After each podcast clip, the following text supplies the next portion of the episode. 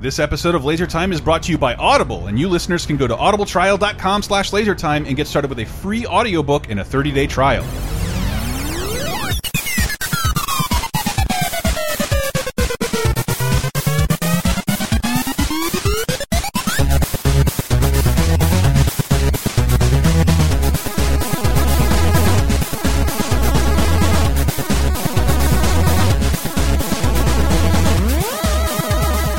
What is up, Doc? And welcome to another episode of Laser Time, the internet's 17th leading pop culture show. Come on, people, you know what we do by now. We pick an awesome topic for you each and every week, and I'm real happy to say that we're starting up one of several in depth episodes on animations, cartoons! And we're kicking it off here with an interview with uh, Jerry Beck, and I'll tell you more about him in a second. Oh, and I really want to tell you what next week's show is, but I'm part of me wants to keep it a surprise. We have a very special guest next week, and uh, look, let me just say that my favorite movie of all time is celebrating its 30th anniversary, and my favorite movie is Who Framed Roger Rabbit.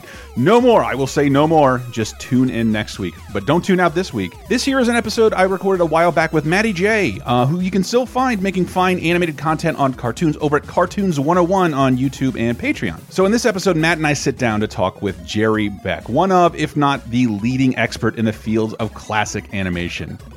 I am not joking. I've been to many a Comic Con, Dork Fest, but I don't think I've ever been as starstruck as when I saw Mr. Beck. Because if you dig classic animation as much as I do, you're probably familiar with the guy too. Uh, he is an author, an animation historian, a preservationist, a blogger, and he was even an executive at Nickelodeon where he helped get the Rugrats movie off the ground. How about that? Mr. Beck has written several books about Looney Tunes, SpongeBob, Hanna-Barbera, and perhaps most importantly, he worked on one of the first and perhaps greatest books about uh, animation, 1980s of Mice and Magic. He co-authored it with Leonard Maltin, but it was one of the first tomes to really capture the hard names and dates of the animation industry and its history. Back before that was something people were really celebrating, and definitely before there was an internet that made all that research really easy to find for armchair animation historians like me. Speaking of research, Jerry also co founded uh, the website Cartoon Brew, which you might know, and he currently presides over cartoon research Com, the go to source for daily information on classic animation, and one of my personal favorite browsers every single day. But how did I become familiar with Jerry Beck, do you ask? Well, if you have ever purchased a classic animation box set, like a DVD from Popeye, Tom and Jerry, Looney Tunes, odds are Jerry had a hand in putting that together. Yes, if you dig into those special features, he is a talking head in several of those cartoon documentaries. You can hear him doing commentary on those phenomenal Looney Tunes Golden and Platinum Edition box box sets, which I thoroughly recommend you buy. And he was instrumental behind the scenes at putting those box sets together to begin with. And you should seriously, seriously buy those things because I don't know how much longer stuff like that is going to be available. We talk about that a little bit. What is the state of uh, classic animation and animation preservation? But that's all stuff that Mr. Beck is very much leading the charge of. Even as corporate interest wanes in remastering old theatrical cartoons, my interest hasn't, and neither has Mr. Beck's. And Jerry Beck is an expert and a champion of some of my favorite things in the universe. He's still teaching and writing about animation, and he might be perhaps the most vocal proponent of classic animation and restoration and preservation that we have. So we're going to talk about all that, so I hope you dig this interview as much as we did doing it. Again, we should have a couple more Laser Time episodes focused on classic animation in the very near future, including something very special next week. So thank you very much to everyone who continues to listen to Laser Time. Apologies for the lack of punctuality as of late, but yes, a quick shout out to those keeping us alive on Patreon. If you'd like to support our geeky little endeavor, we encourage you to support us over at patreon.com slash lasertime. For the price of a cup of coffee every month, you can keep us afloat and help us build new stuff, and in return get a bunch of exclusive goodies you couldn't get otherwise. So we already have a bunch of uh, Patreon exclusive goodies, like over 100 full-length movie commentaries with me and the gang, uh, video commentaries, and special bonus podcasts you won't find anywhere else, such as me and Diamond Dog Dave Rudden recently reviewing the latest season of Arrested Development. But of course, there is Bonus Time, our weekly, uncensored, ad-free podcast exclusively for patrons. It's a more timely look at the stuff we're doing, watching, uh, anecdotes, less structure, and a great way to reconnect with past and future guests. Anyway, patreon.com slash lasertime if you're so inclined. Obviously, we have other podcasts for you to enjoy every single week, such as 30 2010, your weekly look back at movies, TV, music, and games 30, 20, and 10 years ago to that week. This week, we'll be looking at a bunch of stuff, including movies like Bull Durham, Mulan, and The Love Guru.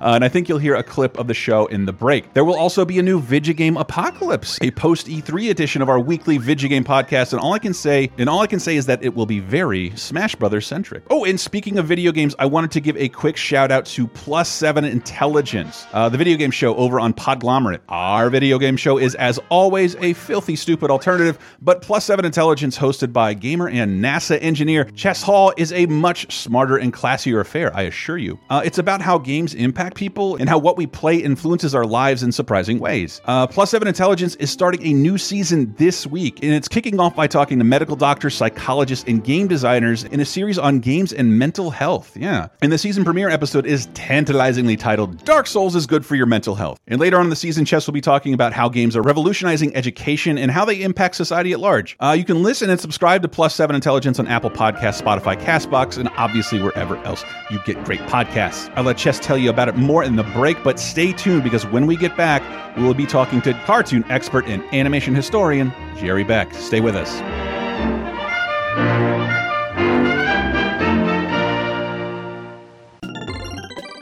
Let's talk about games for a second. There have been big developments in games, not just in the graphics and the features, but in the very idea of what a game can be and how a game can change the world. Some teachers are using experience points to track performance instead of letter grades. Playing Tetris has been shown to reduce symptoms of PTSD. Pokemon Go players are twice as likely to meet an exercise goal of 10,000 steps a day.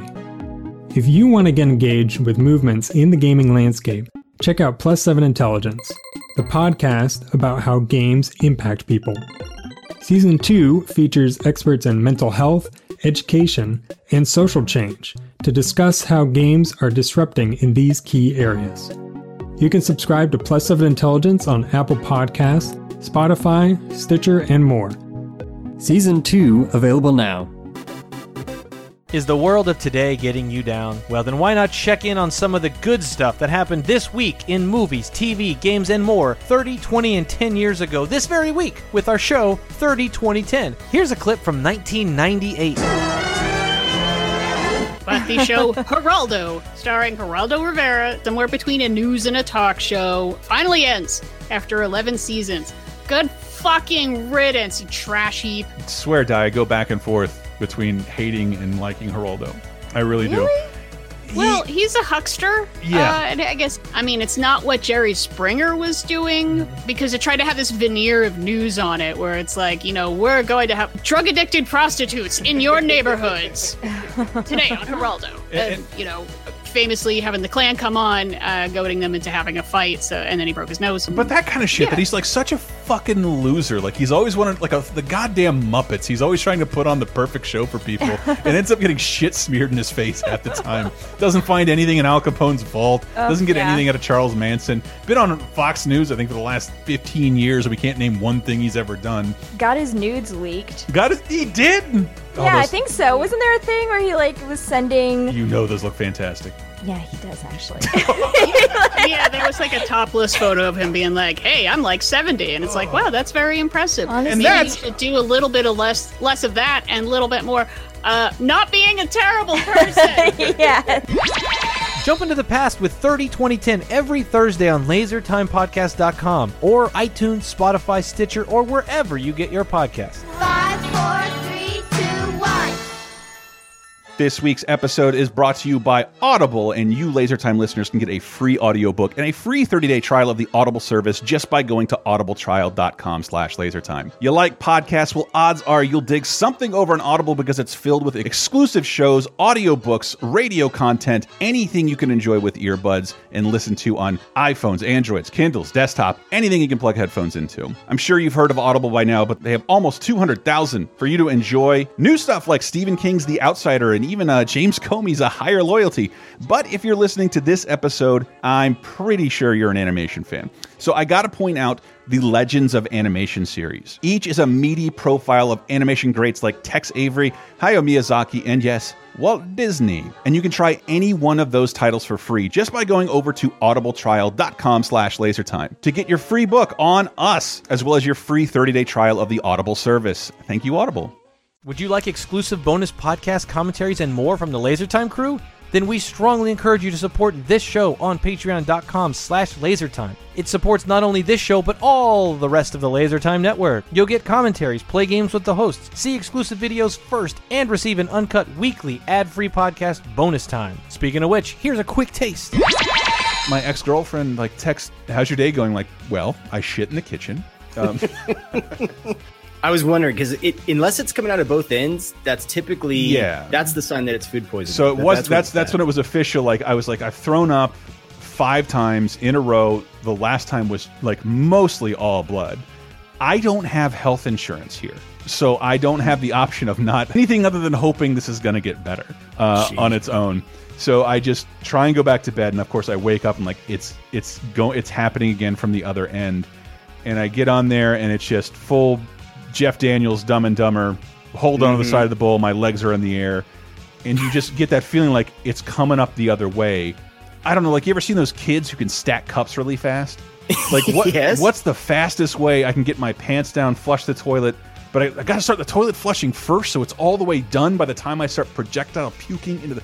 So at the same time, the exact same like five convulsing like, ha.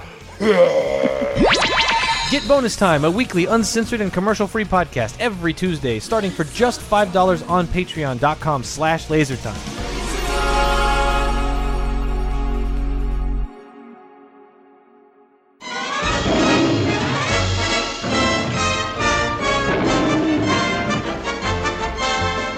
Ladies and gentlemen, we have a very, very special guest on the show. Someone who I've admired and read for a very, very long time. Author, blogger, movie studio muckety muck, historian, That's the right word. Teacher?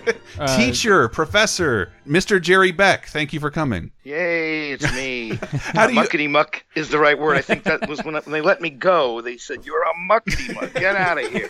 You're. you- How would you describe yourself when you when you meet somebody? How do you describe yourself? Uh, you know, in the old days, it was embarrassing. You couldn't Mm-hmm. tell people I, I write books about cartoons or I'm researching. I'm an animationist. That was insane. You Mm-hmm. couldn't do that back 20, 30 years ago. It was so. Uh, but these days, I can say I'm an author and I'm a teacher. I mean, to, to a layman, you know, Mm-hmm. and to um, somebody more sophisticated, I can say I teach animation history and I write books about cartoons and Mm-hmm.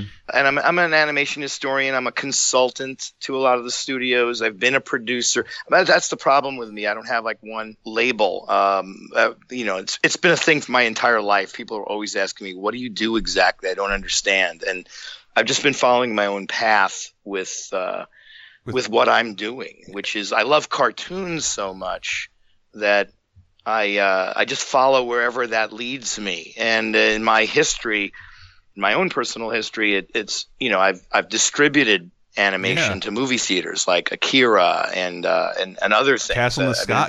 Aren't you, your studio credited with getting Castle in the Sky to theaters? Uh, oh yeah, first? yeah, yeah, yeah. We we, That's we amazing. did that like Mhm. back in 1989, 88, 89, 90. Wow. That's when we uh, had a company called Streamline Pictures. So it's not just And- Bosco for the young people listening. Look, Mr. Beck has been Anime. involved. You we have said a, anime. you have a recent. I did. You have a recent uh, book about uh, about SpongeBob, I believe, right?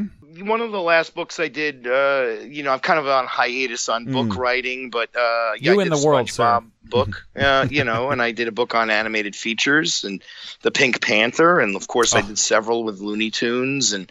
Uh, you know Hanna Barbera. I mean, on and on and on. I mean, cat in I know it town, I sounds, believe it's called. It sounds crazy to me now, but it's it's it was never meant to be like this. It was just one of those things where one thing leads to another, and uh, Well, that you end up doing that. You know, what I'd like because I I don't know what it was. A little kid growing up without cable, becoming obsessed with mostly Looney Tunes and uh, Disney stuff being the funniest to me. But but like I was obsessed with any kind of cartoon.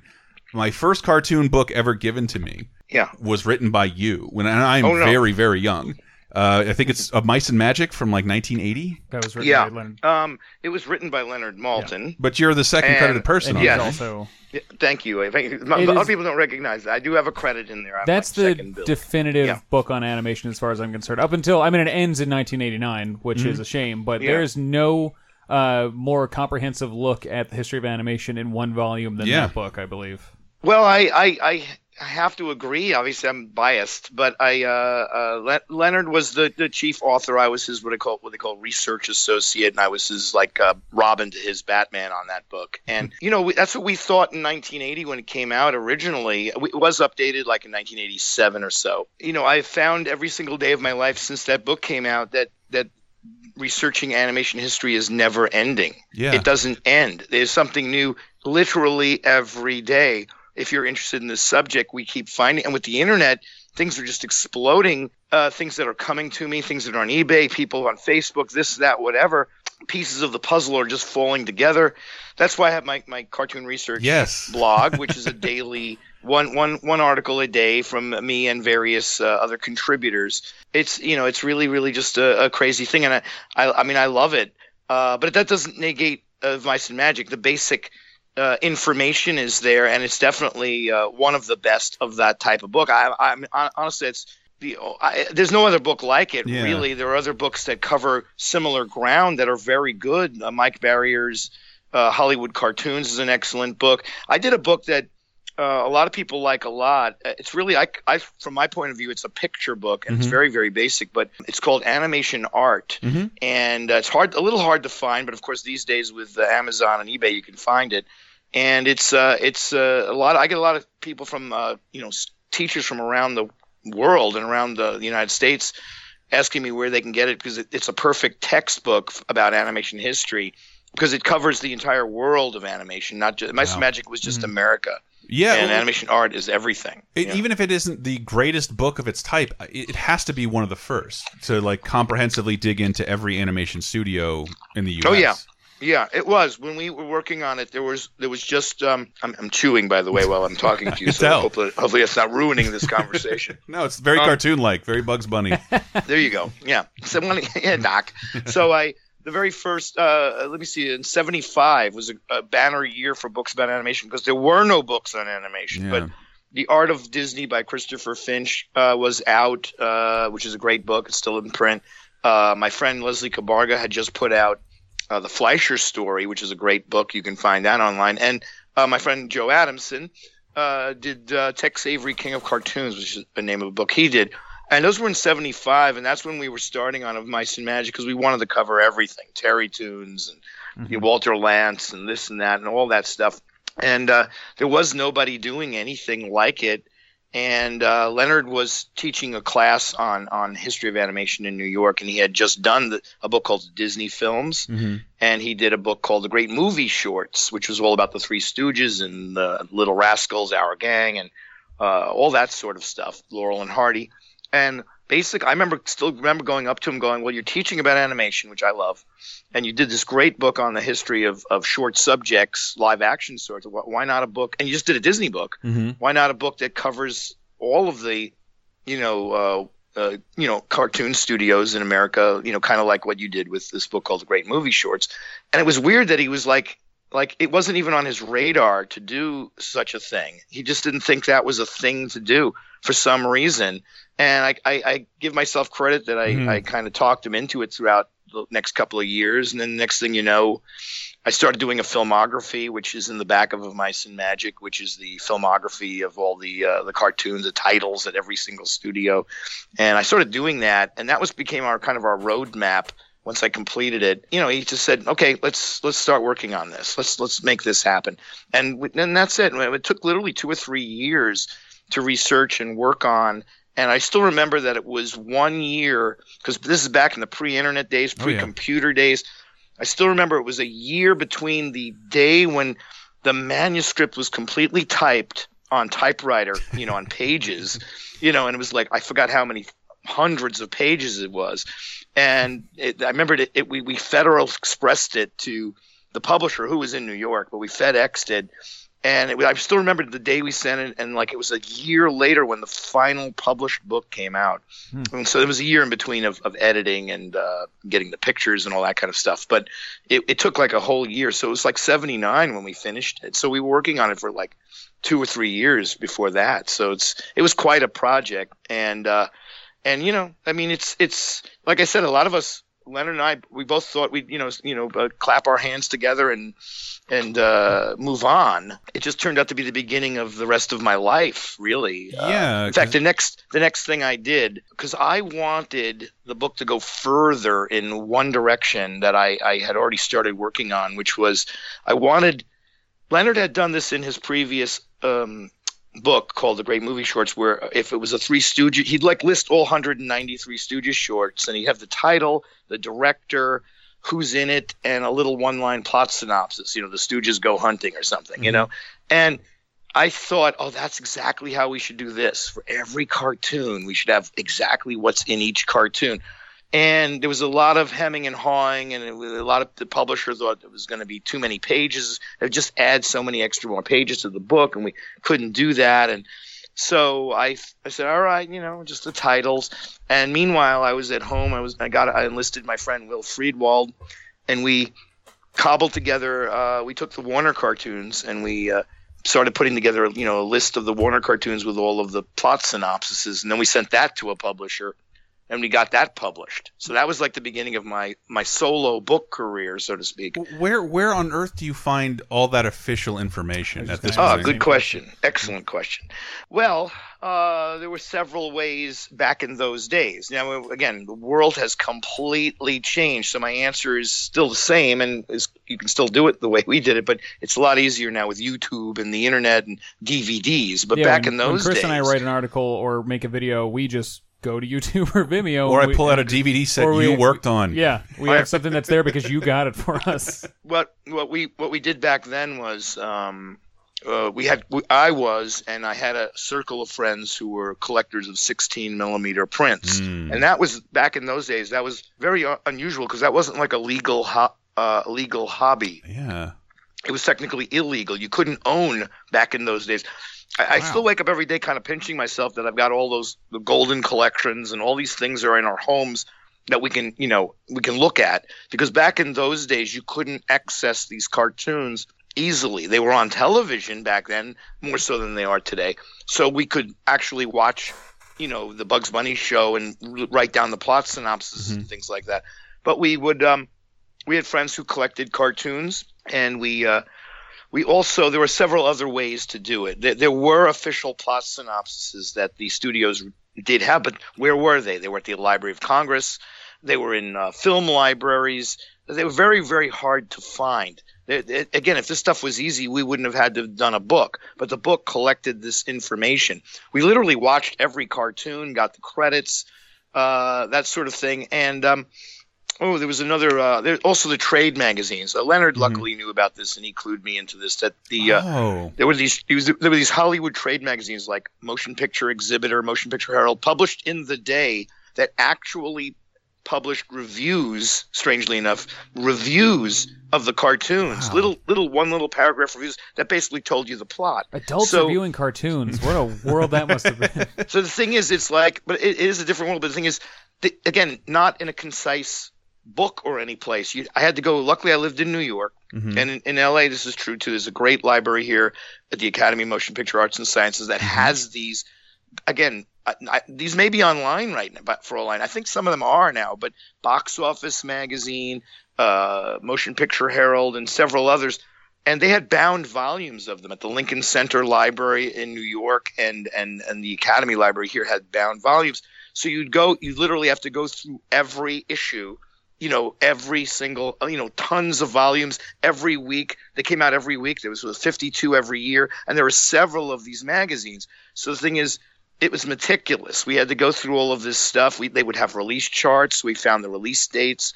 I also found, uh, in some cases, I had the studio release charts that were, uh, you know, out there. Just uh, fans who had also collected this kind of thing that I rallied together to help me, you know, to find this kind of information. It's it's an operation. It wasn't anything you could just easily do. In one of my books, in the uh, Warner Brothers, and we did it. We did a revised version of the Looney Tunes book that came out in '89 called Looney Tunes and Merrie Melodies, and in that one, on the back of it, we we went even further. And one of the things, one of my pet projects that I'm fanatic about is the Bugs Bunny show from 1960 to 1962. It was on two seasons in prime time. Actually, it was on three seasons, but the third season was reruns. But the first two seasons were 26 episodes each of of of a compilation show with Bugs Bunny, new animation by Chuck Jones and Friz Freleng and Robert McKimson, uh, voices by Mel Blanc, and then they'd go into the cartoon. They'd start with hosting segments, bridging segments, and um, I was nuts. I still am nuts about that because that doesn't exist. You can't buy that now. I've heard find I've, I've heard of it, can- but I'm, gonna, I'm the only reason I would have heard about it is from somebody like you or Cartoon Research. Uh, yeah, I mean, you can you can go online and find uh, some of the bridges Yeah. on YouTube for sure. I've but I guarantee those, you, yeah. I'm I'm the number one nut about this. That there is no collected collection of all 52 or whatever it is episodes of this show. It doesn't. It only exists in Warner Brothers vaults, and the only reason that we haven't put them out is that the the color negatives for them were chopped up years and years ago. If, if you really know your golden collections, Mhm. I think the first five volumes of six feature. We, we as one of the bonus things we put on the Golden Collection. Again, this is me. I'm actually behind a lot of the stuff Oh, you yeah. see on the Golden Collections. But we put um, we put what I call Frankenstein versions of some of these bridging materials. Like the, it'll say the Bugs Bunny show, and it'll say uh, it'll say I forgot a Star is Bored or something like that is the name of the episode. And it's just all you'll see is the uh, the opening of the show, the bridging connection connecting material, but you'll see it go from color to black and white because we're using Yes. different sources and we don't have the color on all of it. That's the problem, and that's why they're not out. That's why they're not on TV. The show was never syndicated. The Bugs Bunny show. I know I'm going off on tangents with everything I say. That's what we're here Fine, for. yeah, go for it. All right. The the Bugs Bunny show when it was on in 1960 never went off network for like 40 years. Now now you're saying, well, wait a minute. What do you mean? It was well, it was only it was on prime time for in brand new for two years. Then it was in br- prime time for reruns a third year, and then it went to Saturday, Saturday mornings, mornings. where it never left. It became things. It morphed into things like the Bugs Bunny Roadrunner Hour or the Bugs mm-hmm. and Tweety show or that kind of thing. But it's the same show. It never went off the air. Yeah. It just and they kept cutting that bridging material on the original negs. That was their big boo boo. They mm-hmm. should never have done that. And they sort of ruined the original material. They didn't care. They just had to get, you know, 13 episodes for Saturday morning this year ready. And they did whatever they needed to do to, to do that. But the, the fact that it never was syndicated, like most TV shows were, like Bewitched, you know, or the Flintstones, they were syndicated. And that's why there are a lot of 16 millimeter prints around of those things because there was no TV prints. There's no TV prints on the uh, on the Bugs Bunny show. Strangely enough, there are some 16 millimeter prints that exist for various reasons they were produced. Usually they're in black and white. I have several myself. And that's some of the material you'll see on, on YouTube is, is off of those of those things. Those being restored is kind of like one of my number one priorities in the next uh, hopefully few years with my with my work with uh, with Warner Brothers. a Um, question I've been, I've been asking people who've been in the anima animation industry for a while. Uh, are there any? Is there any company that was surprisingly good to the treatment of? Uh, what do you want to call them? The negatives, their products. I know Yeah, whatever the original material Well- was, media. Well, um, well, believe it or not, the, the Disney, of course, Yeah, uh, Disney, was of yeah. course, uh, you know, treated their stuff that that they They're knew what doing they 4K had restorations all along, everything. you know. So Just won't give it to us. I mean, he was, you know, the problem is Disney understood the value even back in the 30s and 40s and 50s of of reissuing the cartoons and reissuing things and repackaging things, which the other studios didn't care about when it came to cartoons. They some of them did it, but it was kind of an afterthought and a you know it was a secondary thing. for television, Actually- usually, right? Yeah, go ahead. For for television, seemed to that seemed to get people interested in getting short form cartoons out again. Well, before before 1948 or 1950, there was no television, so Mhm. nobody thought about reissuing except Yeah. the movie theaters. You could reissue a cartoon to theaters, you know, seven eight years later, and nobody would remember it. So, you know, and um, and then when TV came in, uh, no, most people don't realize that. Uh, there was a big war between television and um, the movie studios. Movie studios treated television like the enemy because if you could stay home and watch something, you wouldn't go to the movies. So they, they really hated television. The only again, Disney was one of the first to embrace it for a variety of reasons, and the other uh, it t- took about almost ten years to the late fifties before the studios began to start making TV shows for television or or syndicating their old stuff. Um, that's why there's a lot of films, uh, prints. Uh, the, when it comes to the cartoons, you know, you see some of the Looney Tunes say AAP Productions at Yeah. the beginning, and that's because what this was kind of a clever, not clever thing they did, which was they would sell their old library of cartoons or movie features as well to another company. They didn't. The movie studios just didn't care. They're like, Yeah. you can have all of our pre 1948 movies and shorts, you know, and to another company. If the other company slices off the logo of the movie company and puts it on TV under the name, you know, AAP Productions or UM&M TV Corp or something like that, and that way, uh, theaters, the theater people, the movie theater owners wouldn't be upset because it wasn't Paramount that put it on TV. The Paramount logo isn't appearing on television. It's this other company that's putting these old cartoons on TV. If you want new cartoons that are in widescreen or 3D, you still got to go to the movies to see those. Mm-hmm. So it was that was what was going on in the 1950s. It, it you know treating them well? No, they they sort of didn't. You know, in some ways, most of the studios. That said, that said, in recent years, uh, those of us who do film restoration and have been working with the studios have found that most of their negatives exist and they they exist intact. Uh, and we're able to do restorations on a lot all this material and make them look good. Um, even you know we put out the black and white Popeye cartoons, Yeah. as you may know, and those look pretty amazing. You know, if you look at those DVDs, and those are all restored from the original negatives that were sitting in a, a vault, you know, for decades with nobody using them, nobody touching them. It's it's a miracle they're not deteriorated. and uh, so there's all sorts of issues with with restoration. Has has restoring stuff become more difficult as it, it, I, the home video market isn't dying, but it's definitely not what it was ten years ago. Does that make Right. this whole process more difficult, time consuming, expensive? Well, yes and no. Um, I wouldn't say any uh, prices have gone down in terms of the doing the work, but but the financial incentive is no longer there. It was ten years ago. You could put out a, a golden collection and sell, I want, dare I say, a million copies or more, and um, maybe maybe two or three million. I remember Today, Entertainment Weekly called it know. the DVD of the year. Period. The first Golden Collection. Like that's the best That DVD incredible to buy. collection, Yeah. Whoopi Goldberg was on it. It was great. Yeah. The um uh but that's that that ship is sailed and it's sailing off into the distance. It's still you can still see it, but it's it's not quite where it's not quite at the dock anymore. It's um it's I got to stop using the analogies and move on with the statement. It's the, the thing is the, the that market is, is as much as I mean I'm sitting here and I love DVDs and Sure, Blu-rays and I have a ton of them and I want them because I love the fact that I if I want to watch a restored copy of of of a, of a particular Looney Tune, I can do it. I can't necessarily do that off of YouTube or any other format. They haven't made them available that way. If I, I teach a class on um, on Disney features, and uh, if I didn't have the Blu-ray of Yeah. Snow White and Pinocchio and, and Bambi and Lady and the Tramp and all that, I how would I exactly get that into the class? They don't run film anymore. They don't have it on the cloud, at least as far as I know. Maybe they do, but uh, all I know is the fact that I've got the Blu-ray of it. I know I'm going to be able to show it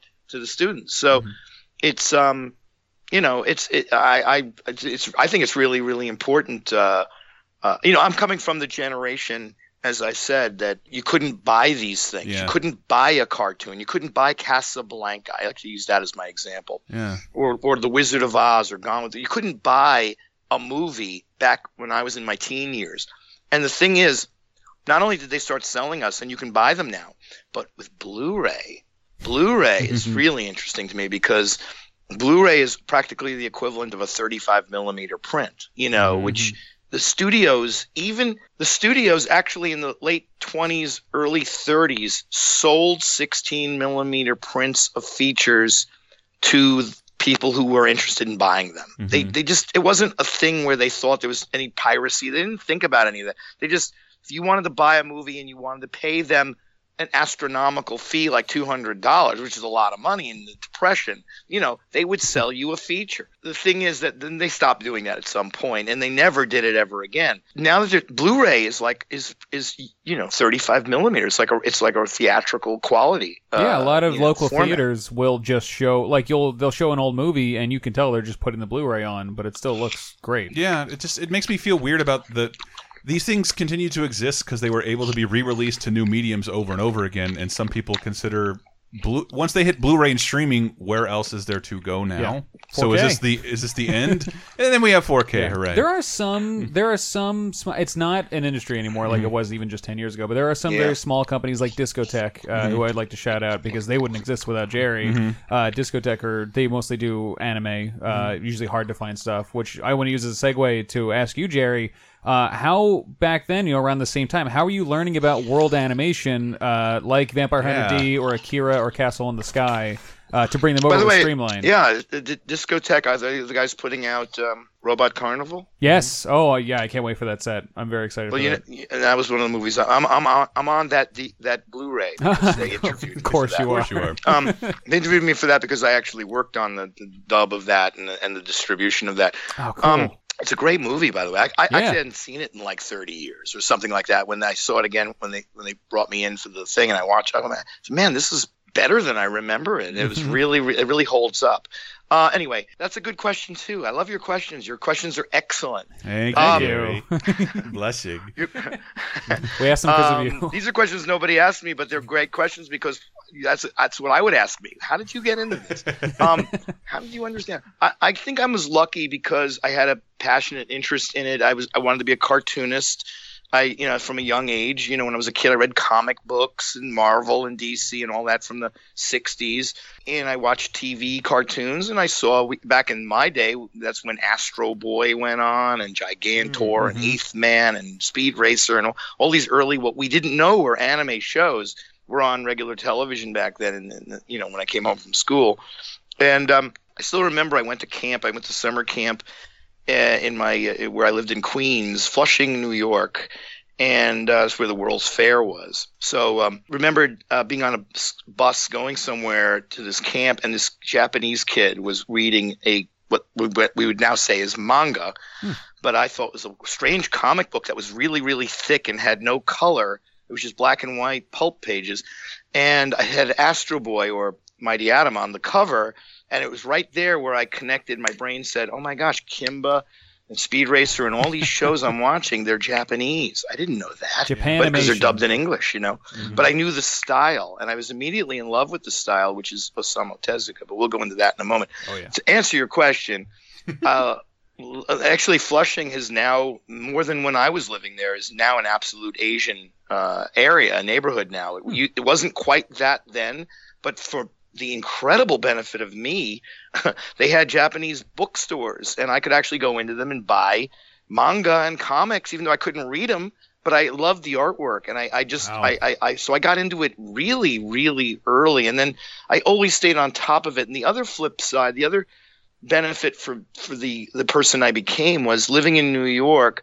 I would uh, from age 13 on, I would take the subway and go into Manhattan, and I went to the earliest comic book conventions back in, in New York in like, like 68, 69 uh, when they first started, you know, and that exposed me to stuff. I also went to the Museum of Modern Art. Don't ask me why a 13 or 14, 15 year old kid would go to the Museum of Modern Art, but but they had great film programming there, and they used to have, and they still do, I'm sure, um, a program at least once or twice a year, like the best of Annecy, the best of Zagreb. These were Oh, cool. the international festivals around the world, and they would show these these films, these shorts from around the world. And unlike my friends who were just stuck on the mentality of, of, of Disney and Looney Tunes, I mean, I, I looked at these other films as part of the same world, but just another world. It was just another crazy abstraction of some of that stuff. And I don't know, I just I fell in love with it. I just loved animation in general. And so, you know, between my these were my influences, the comics, the Japanese anime, the the seeing foreign animation as as, as a teenager.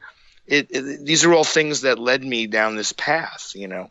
And- Does that answer your question? Yeah, Yeah, yeah, totally. because that's that's that's Matt's scratch. Mine is mine is my comfort food is old theatrical short form animation. I Well, yeah. me too. no, I know, I know, but like that's that's that's yeah, I wasn't putting you guys down by saying what I just said. I no, didn't, no, no, no, no. It's, but just like you, you've been involved in almost every area of commercial release for uh, some a collector's package of short form theatrical animation. And new animation as well. You worked in And, like- Nickelodeon movies and helped the Yeah. Rugrats movie get made. Yeah, That's true. Um, by the way, before I go there, um, uh, I, I want to put out a shout out to my friend Steve Stanchfield, who does a micro label called Thunderbean Animation. Yes. Oh, cool. I just Yeah, bought yeah. a Snafu collection. Yeah, we uh, know that. last Oh year. yes, the And- Snafu is one of the best. I, I think that one and his Gulliver's Travels are probably. I- he's- he's got so many good ones, but I- that those are two top ones. My right uncle there. was stationed in Okinawa in the early Hmm. 80s, and he would send me back these animated movies. I had no idea they existed, so I watched Gulliver's Travels like every day as a four year old, and seeing someone Huh. puts the time into that restoration,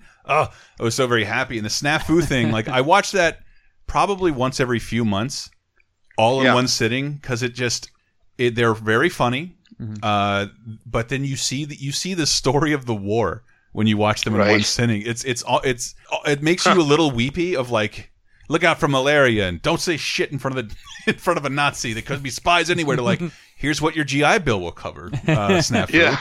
Here's here's how you'll place yourself back in society when we all return home. I don't know. I really love that snafu You may collection have shell shock. with original notes from uh, Th uh, Theodore Geisel and, and Chuck Yeah, yeah. Jones and all that all those people. That was real neat.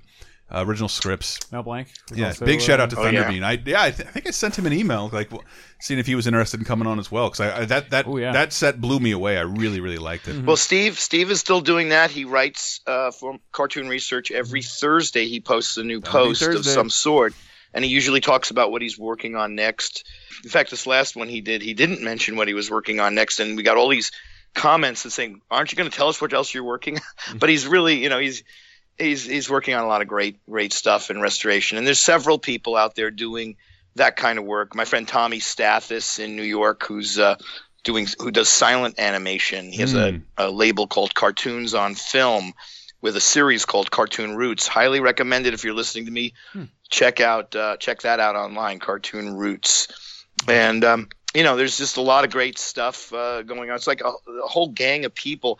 Uh, what one reason I'm involved with so many things is that luckily I, I'm slightly a magnet for this sort of thing. So people will come to me and go, you know, I want to write a book on Terrytoons. And I'm like, well, all right. And then I'll point, I'll get, I'll point out to that person why he shouldn't do it. No, I'll point out to him, I'll point out to him what, uh, you know, where you can go to research or how you can find this, or I'll loan him cartoons from my collection and things like that. And that's been true of friend of mine, Adam Abrahams, did a UPA book because nobody had done one on just on UPA. Be- He did a great book on that, and um, so I'm I'm very much a you know I'm happy to help because I want to see this stuff, and if I could split myself into ten, I would do a UPA book this year, and I would do a Terrytoon book this year, and I would do I you. you know all these different things because I can't. I love that there's all these other people now in the last 10 years that have sprung up that are willing to do this stuff and I'm happy to help in any way I can. So luckily for me I I get to hear about these things and I'm in on them on an early in an early way. The new thing with me is uh, museum programs. There's Oh, a lot of yeah, I worked on a Hanna-Barbera. I didn't again when I say I worked on it uh, Jesse Kowalski, if you're out there, he worked on it at the Norman Rockwell Museum but he came to me and I helped point in lots of different directions on on how he can get that done. And I'm working on now one for the Fleischer. There's going to be a big Fleischer Studios exhibit uh, coming up in a few years, in a year or two. So Okay. um, we're working on that now, and there's a few things like that that. Uh, uh, that are popping up more and more, and I think it's great. Yeah. And also documentaries. Yeah, Documentary. we- People we- are making documentaries about a lot of these subjects. We just got back from the Seattle Museum of Pop Culture, and they had Mhm. an enormous Muppets exhibit, and that can just Ah. that would be a great place to display some of this old art. Um, I like hearing that. That's good to know. Uh, Uh, you know, because a lot of times when these people do these exhibits, they do them for one museum, Yeah, and they they I, I believe I don't know anything about museums, but I know that you can. there's a travel circuit Yeah. for these kind of exhibits, and they don't know the person working in this museum sometimes doesn't know what the circuit is or where, where else to go with it. You Mm-hmm. know, and so it's it's it's a good thing to to learn more about. And I need to learn more. about, Museum so Museum of Pop Culture, and we thought to one of the reasons uh, like we had a line with you, and I wanted to reach out. We were having a discussion, with my girlfriend about Stranger Things, and the the year it's set, and I, I was yelling about something like that wasn't what 1982 was like, and I I forget. She's like, well, what should have been on TV? I'm like Heckle and Jekyll. There was nothing ever to watch on television if you didn't have cable, fuzzy over the air. Heckle and Jekyll, 6 a.m. and then somehow started at like 3 to 4 a.m. Wall Right. to wall Heckle and Jekyll, and that's one of the things from my childhood that has just fallen off entirely. I, I, I feel like I haven't thought about Heckle and Jekyll. Well, Heckle and Jekyll, uh, you know, were, were Terrytoon characters. Mhm. The, which belonged to that group with Mighty Mouse and Deputy Dog and the you know the Mighty Heroes and a whole bunch of things that that studio did. Um, and uh, the other big one that seems to be missing for a lot of people are the the Walter Lantz uh, Yes. group, which is uh, Woody Woodpecker and Chilly Willy and all that. Those are the ones where they're mainly in the vaults. I was involved with no credit on uh, two uh, volumes at Universal of Woody Woodpecker Woody and Woodpecker Friends sets? that came out on DVD. And if you don't have them, you should get them. I have them. Okay, and the uh, and I've tried my best uh, convincing Paramount. Today, Paramount owns Terrytoons. Uh, that's because uh, CBS, the Mm-hmm. broadcast network, bought the studio in 1955, and it's still in the company. It's still part of that whole Viacom, CBS, Paramount, you know, crazy, you know, conglomerate that they are. So they they have it. They just have no idea what to do with any of that material. A couple of years ago, you may have this, and I highly recommend it. Um, I was able. To, I was trying to convince them to put out Terrytoons, Mhm. and then I went. Then that devolved to just Mighty Mouse, and then that devolved because they wouldn't do it to the Ralph Bakshi. Mighty Mouse, which isn't a devolving. It was that's something that should come out, you know. But Mhm. But I But it did I, come I had right? to convince them. You know, I had to I had to talk them into doing that because uh, they had they're feeling well, again no commercial value. You know, was, was their attitude. And but luckily, I the, my, the way I did it was um, I basically went through a list of who worked on that show. And how all of them went on to Mm-hmm. greater glories, you know, uh, John Kricfalusi, who did uh, Ren and Stimpy, of course, Ralph Bakshi, Andrew Stanton, who did Finding Mm-hmm. Nemo, Bruce Timm, who did uh, Batman, uh, the animated series, all these people and more. Rich Moore, in matter of fact, who did Zootopia. nice one. but but and and literally more and uh, uh, did did uh, you know worked on this. Sh- I mean, the show is like a who's who of, of the of the next generation of, of animation greats. And so I convinced them that.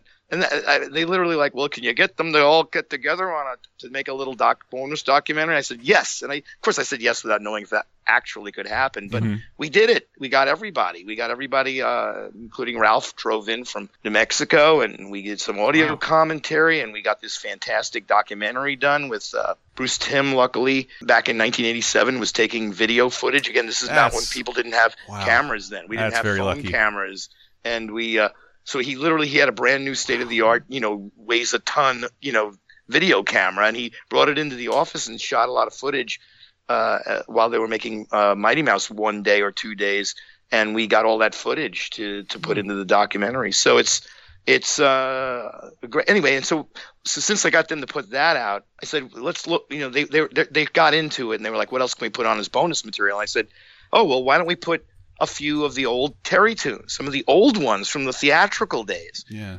that was a big turned out to be a, a big internal crazy problem. But long story short we did put out uh, we put three of them on there. One that was nominated for an oscar the only one uh, one of them that i one of the ones i knew with the original titles was would have said super mouse because originally mighty mouse was super mouse Mhm. and because they, they didn't want to have a, a lawsuit from dc comics they changed it to mighty mouse so I thought if they go back into their vaults and dig out the original neg, it'll say Super Mouse on it. Yeah. That'll be so friggin' cool. And they did it. You know, and they, they did it. And so on there is a beautifully restored 1943 cartoons of Super Mouse. His in, costume you know. was different And too, right? Wasn't I think it more... it's so cool. And then and the third cartoon I put on there was one of the few from the early 60s, which means it's not that good and it's very limited animation. But it's one of the few where Ralph Bakshi actually got a credit as an animator Oh. back when he was an animator at the Terrytoon Studio, way before he was famous when he was in his teenage years. So I thought that was a good way to connect it to the set. So Okay, I want to get my- I want to get a couple more questions out for you, Jerry. While we have All right, yeah, keep we, going. We're Yeah. like just I, I, well, real real quick. We're doing we're doing a show about Looney Tunes references. I'm a kid born in the 1980s. I have never seen oh. any of its reference material, and just m- my mouth grows further agape every time I figure out like everything in the Looney Tunes is a reference to something, some kind of popular media or even every a joke, commercial. every catchphase. yeah, Yeah. even the music in the background, Even the music. you know, everything. Mhm. Yeah. And I want to know if you had any obscure ones or some of your favorite ones, uh, references you find in Looney Tunes that people might not know about from famous uh, cartoons. Wow. It's You that guys have to put me on the spot. I did like that. put you on the think spot. about it for a second.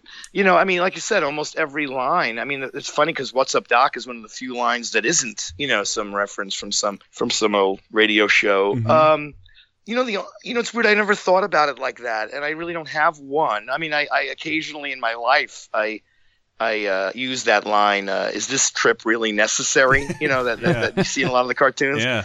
You know that's one of those things that uh, that it's not that it's funny. It's just you know.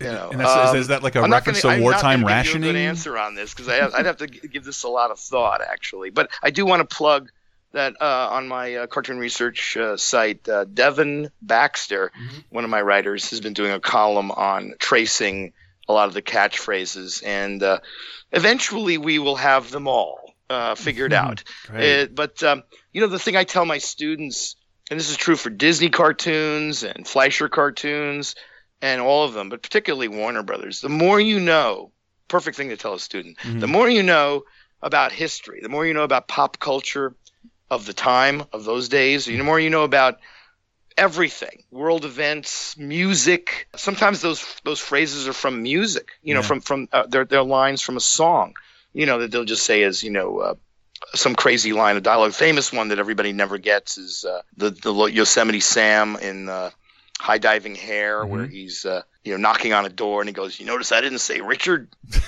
No, I remember know that? exactly what you're that? talking about. Yeah. yeah, like everybody I thought it was a Dick he's talking about, reference. but there's a famous song, "Open the Door, Richard." That this it, it was Wow. very it was a nobody knows what that is today, and so uh, it's a it, it's it's a lost line. The funny thing is though, the more you know that stuff, the funnier and more entertaining all of these films are. Yeah. All these old cartoons, Yeah. um, because you can.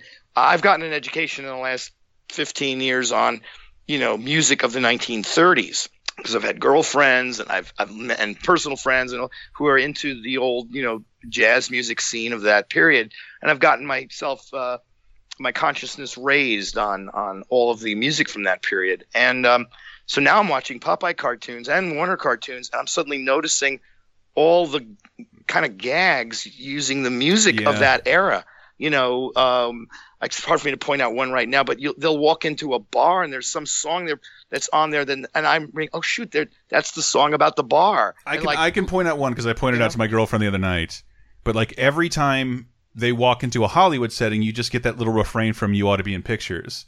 oh And yeah, it's- and, it's for like five Perfect. seconds. And like if you don't didn't know that was a song, you don't know that an orchestra just redid five seconds of a song to create a little motif for like a second. It's really neat. exactly. You know, if you look at the uh, there's these cue sheets Mhm. that, that they have to make for the, every film, and even today they have to make a sheet that that you go that somebody goes somebody's poor job is to go through the entire movie after the score is written and literally document how long a piece of music is you know for that scene in the film and that kind of thing for the entirety of it. And they made those back in the old days as well and they and they they exist on a lot of the Warner Brothers cartoons and other studios cartoons. And so when you look at them they're just unbelievable because they're like you know all of these different songs and there's like five seconds of this and Yeah. 10 seconds of that and you know another you know 15 seconds of them singing it and then it's five seconds of another song. And it's just you know it's just absolutely crazy but it's it's part of what makes those things so great and so classic. And actually i think it's a testament to them that they work when you don't know the references Yeah.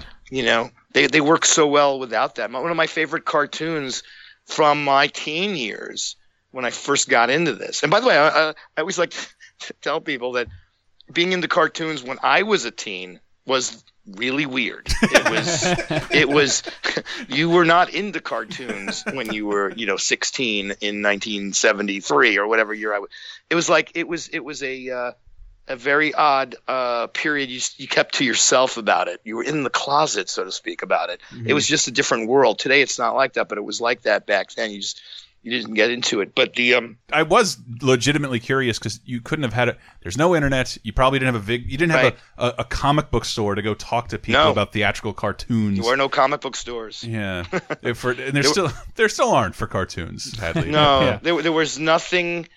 There was. I mean, that's why a guy like again. In some ways, this was a good thing. Because, no, it really wasn't. But but it, it, it forced me. I actually bought like the uh, uh, gold key, you know, comic books. These comic books that were licensed with Bugs Bunny and Daffy Duck, and Mhm. I would buy the comics because that was the only, Only thing, thing. you could buy. Yeah. I mean, it was like there there was like scant merchandising. Even the comics and whatever merchandising was done then was the worst, and it still is. You can go back and look at how ugly it is. It's just there's like nobody cared. You know, it's just ugly versions of Bugs Bunny and stuff, and it's you know, but that was all we had. It was really reaching for straws, and uh, you know, we were lucky. I mean, people like me. I, I started. Of course, I noticed that uh, you know Chuck Jones had done the Grinch, and I was following what he was still doing. He was still making new things, and ultimately, you know, he made some new Looney Tunes specials, and uh, they they called him back and things like that. There was there was there was you know it was a cult.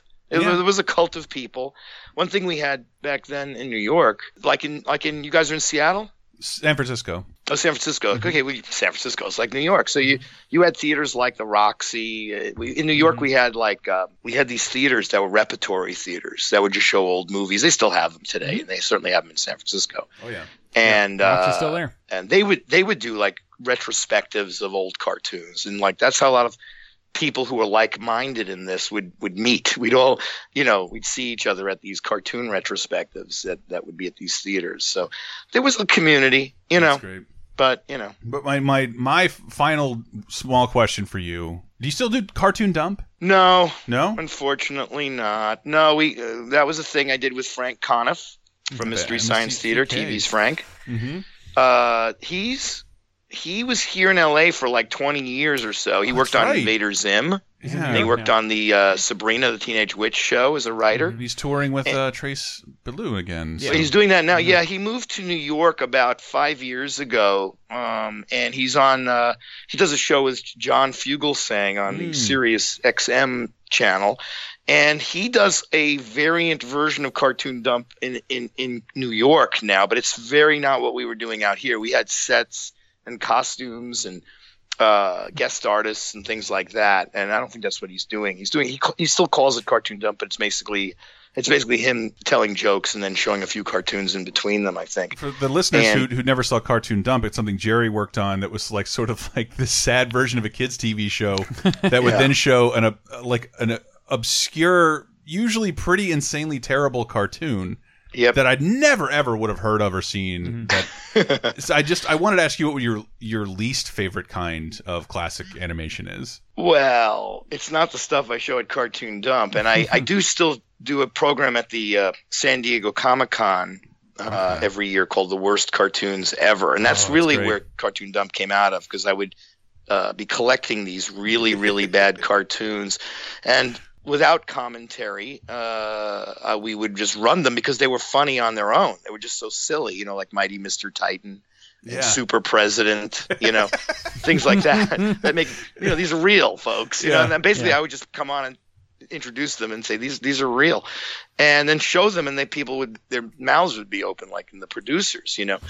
but I um for personally there are bad cartoons, and those are things that are boring and dull, you know, uh, uh, or just don't work. You know, uh, the easy group to point to are the Woody Woodpeckers and the the Walter Lantz cartoons from the late 1960s and early 70s are pretty pretty bad. I mean, they're just almost no redeeming virtue in any of those. Yeah, it's, I Uh, always find it bizarre when I go to Universal Studios. They hold him aloft as that whole park's Mickey, and he, Yeah, he has no commercially yeah. available items anywhere outside of that park. That's And- true. That's true. I, I I always wonder if anybody, younger person going to that park today, even knows who this idea. character is. Who any know? of the characters there are. I It's the say. Universal bird. Even Fievel. Right. Like Fievel's all over that park, and get a six-year-old to be like, "Who, Uh, but who at is this? Is I don't know. I get I get frustrated. At least Fievel, at least American Tail, you can revisit. They brought that out on a, on a decent Blu-ray somewhat recently. Yeah. But short, I love collecting short form animation. I have a light cell collection. Uh, Jerry, is there? What do you think the future is for showcasing um, older theatrical cartoons?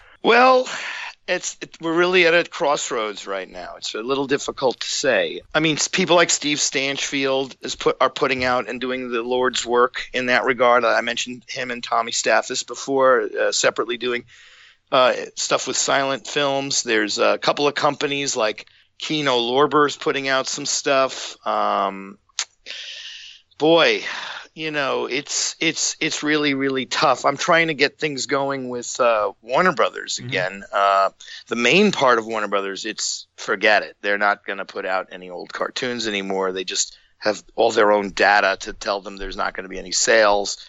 And as you may or may not know, I just most recently was involved with uh, something f- with a subdivision there called Warner Archive, Yeah. and um, we we put out this thing called Porky Pig 101. I was going to mention Yes. that. Yeah. Oh Yeah. my goodness. And- forgot all about that. and yeah, and that was what we call I call it a canary in the coal mine because it was a test um, to see what life was left in people purchasing physical media, you know, and we're still uh, counting, you know, we're still counting heads right now. It's uh, the, the the jury isn't out as of this broadcast, but the point of it was they have there's no money at that studio. People go, it's Warner Brothers. They just put out Justice League. They got all the money in the world. You know, it's it's it's not, not like that. If you actually work for any of these corporations, what you find out is that each department is its own fiefdom, it's its Yeah. own place, and they have to generate revenue with a profit, or they don't exist anymore. And that's why the uh, main part of Warner Home Video won't put out classic animation because it'll just be a money loser for them.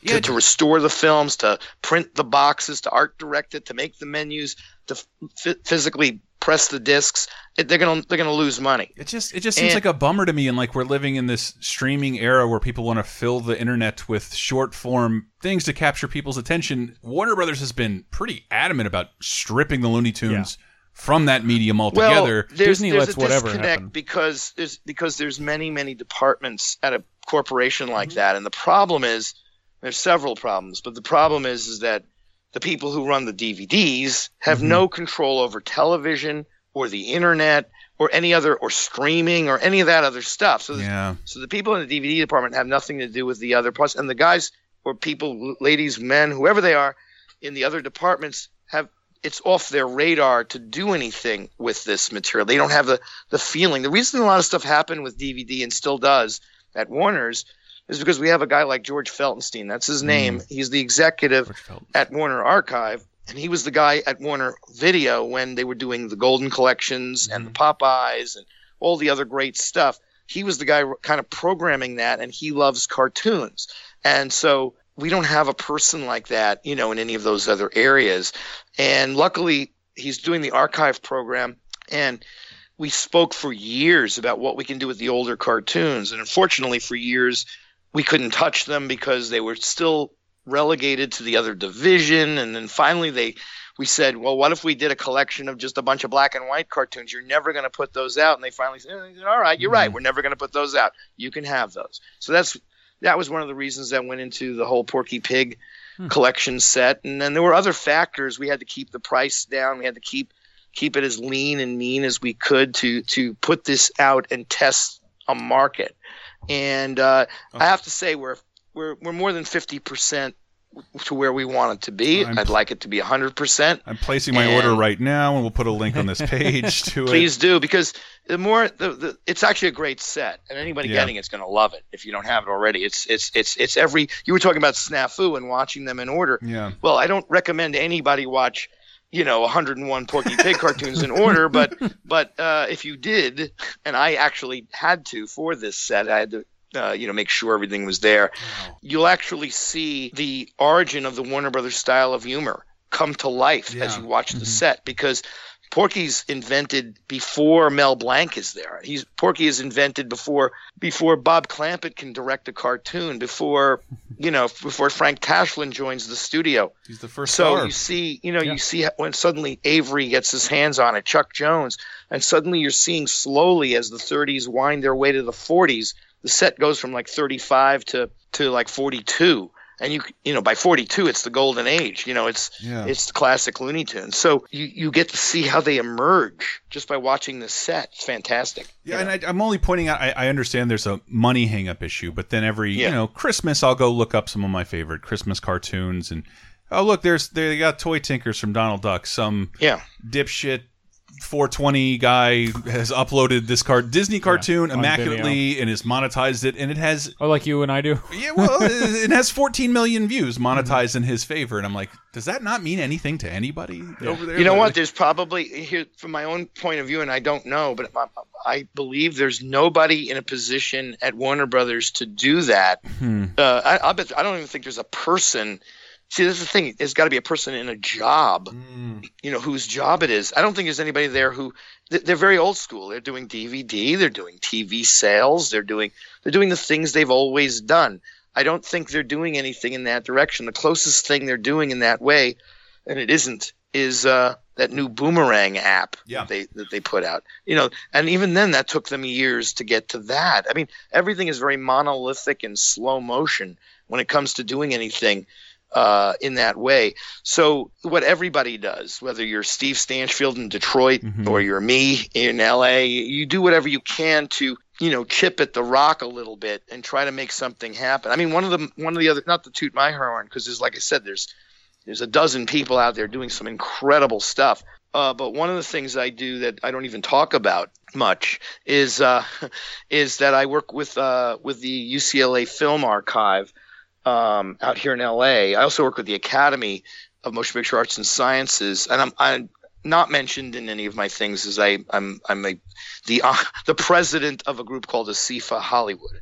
ASIFA Hollywood is an old, uh, long-time animation organization that dates back to the 1950s and 60s. We give out the what they call the Annie Awards. It's like a kind of an Oscar for people in animation, and um, Oh yeah. we in that group it's a nonprofit organization and uh, we do raise money and make money with our awards. And um, we put that money to good use. And one of the uses is that we have a preservation uh, fund. And i get to go and uh, go to people like ucla and they have these nitrate negatives of cartoons that are owned by paramount pictures or other studios. Then they're not doing anything with them and they're deteriorating. So i go there and I, and I with my knowledge i go I'd like to preserve this one and this one and this one, and that's all I can afford this year. But and that because that costs tens of thousands of dollars to do this, and but we preserve them for the future. Uh, last year we did um, Fleischer did two Technicolor two reelers, which means uh, 16, 17, 18 minute long cartoons in the 1940s. Uh, you may have seen one. One of them is called Raggedy Ann, uh, Raggedy Ann and Raggedy Andy, I think is the name of it. And um, and uh, and the other one is called The Raven, based on Edgar Allan Poe. But it's No. it's not a dramatic version. It's more of a comedy version of it. It's actually not a great cartoon, but Don't but oversell it. It is about it is Technicolor Fleischer, and it's long and it's very odd. Mm-hmm. And plus the other one, I figured, you know what? Let's see if we can do both of these cartoons, and we did. We restored those cartoons. Hmm. They now exist in mint condition, full color, and they aren't on video or anywhere yet. They will be eventually somewhere, some someday. But but right. But the good news is they exist, uh, whereas they didn't before. And uh, I'm doing that with a bunch of other uh, cartoons that they have in their vaults, and I'm I'm very happy about what, what we're doing, and I think in, in, again in the future people will see what I'm up to. But it's uh it's uh there's some good stuff like that. You know, you just do you chip away, you just do whatever you can, um, So you know, to that's- make these things available. I'm very happy. I mean, this is my beat. I love this stuff. Uh, I I love all the stuff that you've helped get out there. I didn't know you were. I- I don't think even people like me know to what extent you work on these things. Oh yeah, no, I even do. I mean, another thing I, again is not mentioned or I don't really talk about too much is that I do a lot of programs in L.A. I Yeah. do.